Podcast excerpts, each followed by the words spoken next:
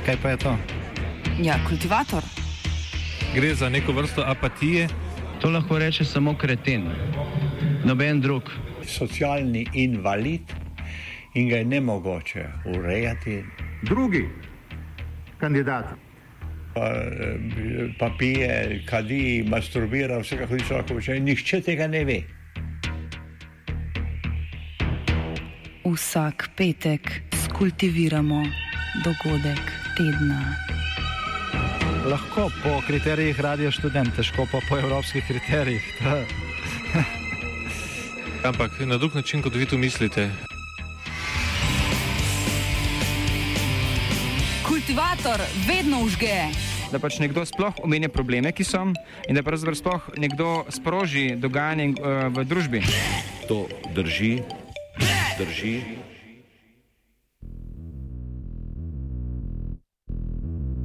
Oda miru.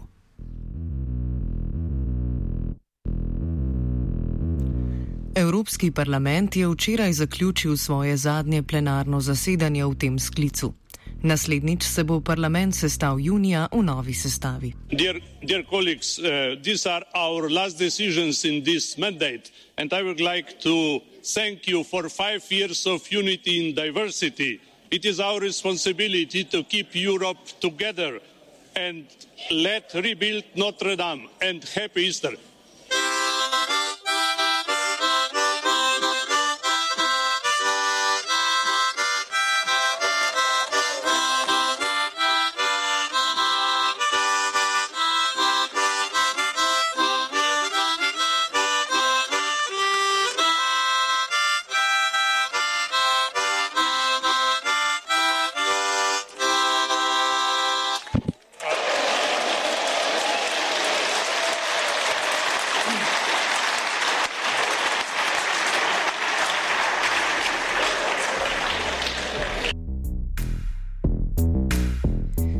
Eno zadnjih dejanj parlamenta je bila potrditev proračuna za Evropski obrambni sklad.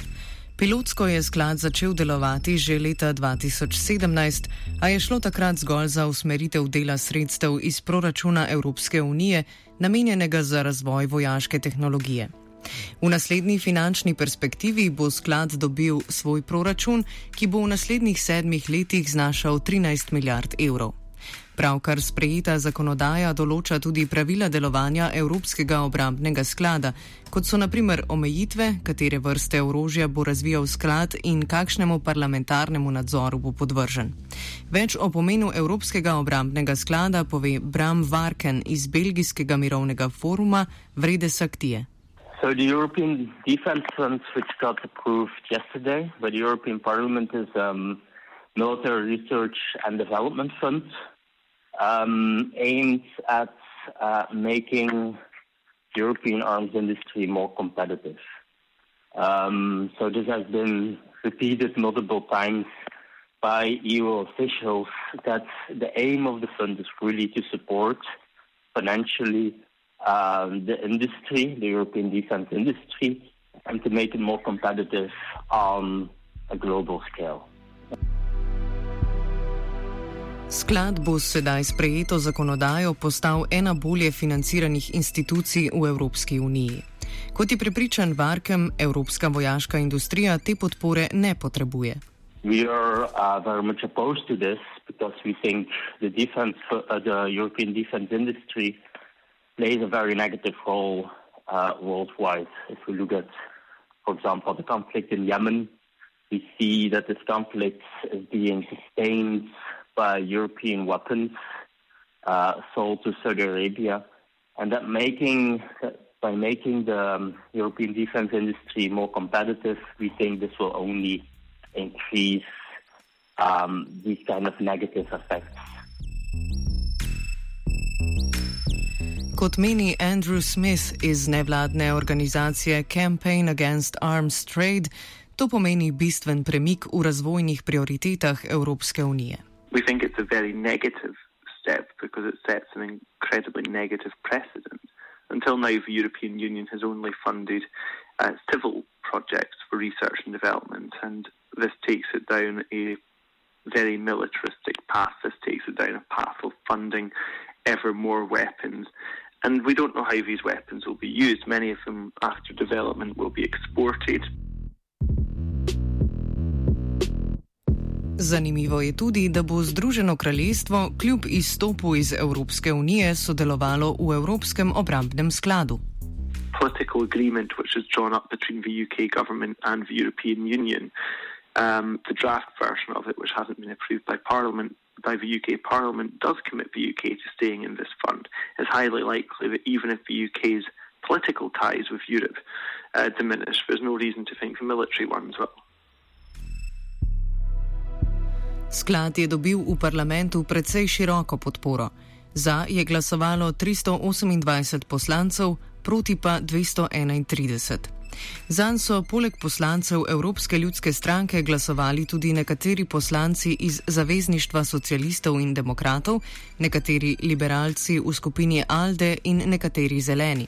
Kako je sklad dobil takšno podporo, razloži Bram Varken. There was a very broad consensus at the beginning for this defense fund, but um, during the last year, last couple of months, we saw increasingly more, uh, mainly progressive MEPs, um, voting against the fund. Despite despite this increased resistance against the move, uh, this wasn't enough. So we see that um, part of um, the socialists, part of the social democrats have voted in favor of the fund. And unfortunately, this, this has to do with um, the, the interests of the defense industry. And these MEPs often vote for um, in favor of interests which in their own uh, regions for in favor of, of supporting supporting uh, the defense industry. Tokratno glasovanje je bilo verjetno tudi zadnje, s katerim bo parlament lahko vplival na odločitve Evropskega obrambnega sklada.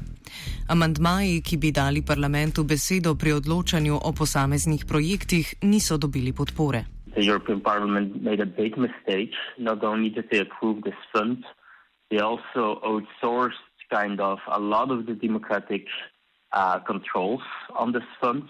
So there was um, there was a lot of controversy about the European Parliament uh, kind of outsourcing um, its ability to control what is being done with the money, what is being done with the military research funds to the member states. And we don't think, you know, this is this is not a good democratic practice. The, Europe, the European Parliament, the main task of the Parliament is to control what happens with European money and as even the European Parliament is is, um, is not doing its job anymore, this is a this is bad news for uh, European democracy. Evropske države sicer že sedaj pogosto sodelujejo pri dražjih orožarskih projektih. Najbolj znan je projekt vojaškega lovskega letala Eurofighter, pri katerem so sodelovali Združeno kraljestvo, Nemčija, Italija in Španija. A prav projekt Eurofighter kaže, da države pri tovrstnih poslih raje postavijo v spredje svoje nacionalne obrambne industrije. V projektu je namreč v začetku sodelovala tudi Francija, a je po nekaj letih razvoja prišlo do sporov glede specifikacij in razdelitve proizvodnje. Francija je razvila svoje lovsko letalo Rafale, ki je danes glavni tekmec Eurofighterja na orožarskih trgih. Podobno se je zgodilo tudi pri razvoju vojaških ladij. Ni jasno, ali bodo države v prihodnosti enotnejše, če bodo sredstva prišla iz proračuna Evropske unije. Odločanje o projektih bo ostalo v rokah držav članic. Vranken poudarja, da je orožarski sektor unikaten primer v gospodarstvu, saj je popolnoma podprt strani javnih financ. There is no, uh, there is no economic sector where this is the case.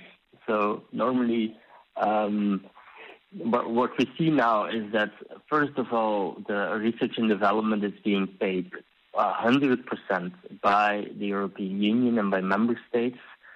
So these, these companies can just, with public subsidies, develop new um, weapon systems. And when these weapon systems are, have been developed, uh, member states, governments have to buy um, these, these products. So you have a you have a sort of loop of um, where the whole process of development, research, development, and procurement is completely um, funded with public money, and there is no economic sector where this is the case. Poleg tega besedilo sprejete zakonodaje države poziva naj se zavežejo, da bodo na koncu tudi nabavile orožje, ki bo razvito s pomočjo sklada. There is um, a kind of encourage, encouragement in uh, the, the text and the regulation, which says that um, member states should um, commit to buying to buying the um, developed technologies. So if uh, companies, for example, France companies, are participating in uh, a military development program or project, the French government should commit itself to buying the to buying this technology afterwards. Evropski obrambni sklad je torej pisan na kožo evropski obrambni industriji. Andrew Smith meni, da to ni na ključje, če vemo, kako je sklad nastajal. This proposal was generated by an advisory group, uh, what's known as, to use the European Parliament's lingo, it's known as um, a group of personalities.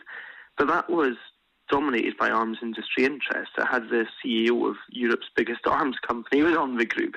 Um, so, of course, a group of uh, a group of supposed experts, which was dominated by the arms industry, was always going to argue for extra military spending. And many of those companies have already benefited from the spending. There were seven arms companies on the group of 16 that put the proposal together. Six of them have already profited directly from the pilot programs. So I think there's serious questions about transparency, but also serious questions about political influence and whose voice is being represented most in the corridors of power. Evropski parlament ni odgovoril na vprašanja o financiranju projekta. Zaveza o milijardah je bila dana, odkud pa bo ta denar prišel, za zdaj še ni jasno. Smith.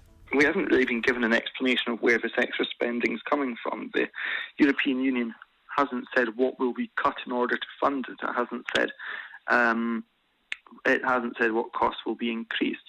Um, so I think it raises questions on that front. Smitha najbolj skrbita razvoj in podpiranje tako imenovanih motečih vojaških tehnologij, droni, umetna inteligenca in tako naprej. I think the one which has caused most alarm is the focus on what's known as disruptive military technologies. These can include things such as artificial intelligence, they can include things such as military drones, and those are listed with they are listed within the fund the uh, proposal which was voted on yesterday. So I think that does set a very uh, I think that does set very negative precedent. But um, I think it's also that once this agreement's in place, it'll be incredibly hard to reverse. It's one of those agreements which, once it gets embedded into policy, will it is going to be there for a long time, and I expect that the arms companies would want it to become irreversible as well. Razvoj evropskega vojaškega brezpilotnega letala bo eden prvih projektov, ki jih bo podprl sklad. Pravila prepovedujejo izdelavo ofenzivnih robotov, zato se to letalo smatra za orožje z defenzivno funkcijo. Kot pravi Varken, je ta definicija precej problematična. So this is this is problematic, I think, because it's often very difficult to make a distinction between an, an defensive, defensive or an offensive weapon. So it's unclear to me how the EU is going to make a distinction between defensive or offensive killer robots. So that's a that's a major uh, loophole, I think, in the defense fund. Evropski obrambni sklad je torej v prvi vrsti mošnja, iz katere bodo države lahko črpale sredstva, da bodo dodatno podpirale svojo vojaško industrijo. A tudi, če sprejmemo premiso, da je to industrijo treba podpirati, ostaja problem, da evropske države to industrijo še vedno vidijo v nacionalnih in ne evropskih okvirih.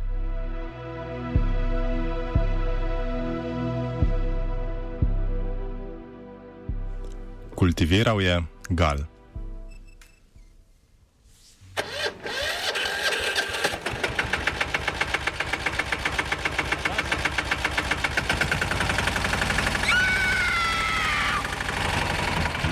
E, kaj pa je to? Ja, kultivator. Gre za neko vrsto apatije. To lahko reče samo kreten, noben drug. Socialni invalid in ga je ne mogoče urejati. Drugi kandidat. Pa, eh, pa pije, kadi, masturbira, vse kako ti človek počne. Nihče tega ne ve. Vsak petek skultiviramo dogodek tedna. Lahko po kriterijih radio študent, težko pa po evropskih kriterijih. Ampak na drug način, kot vi tu mislite. Kultivator vedno užge. Da pač nekdo sploh omenja probleme, ki so, in da pravzaprav sploh nekdo sproži dogajanje uh, v družbi. To drži, drži.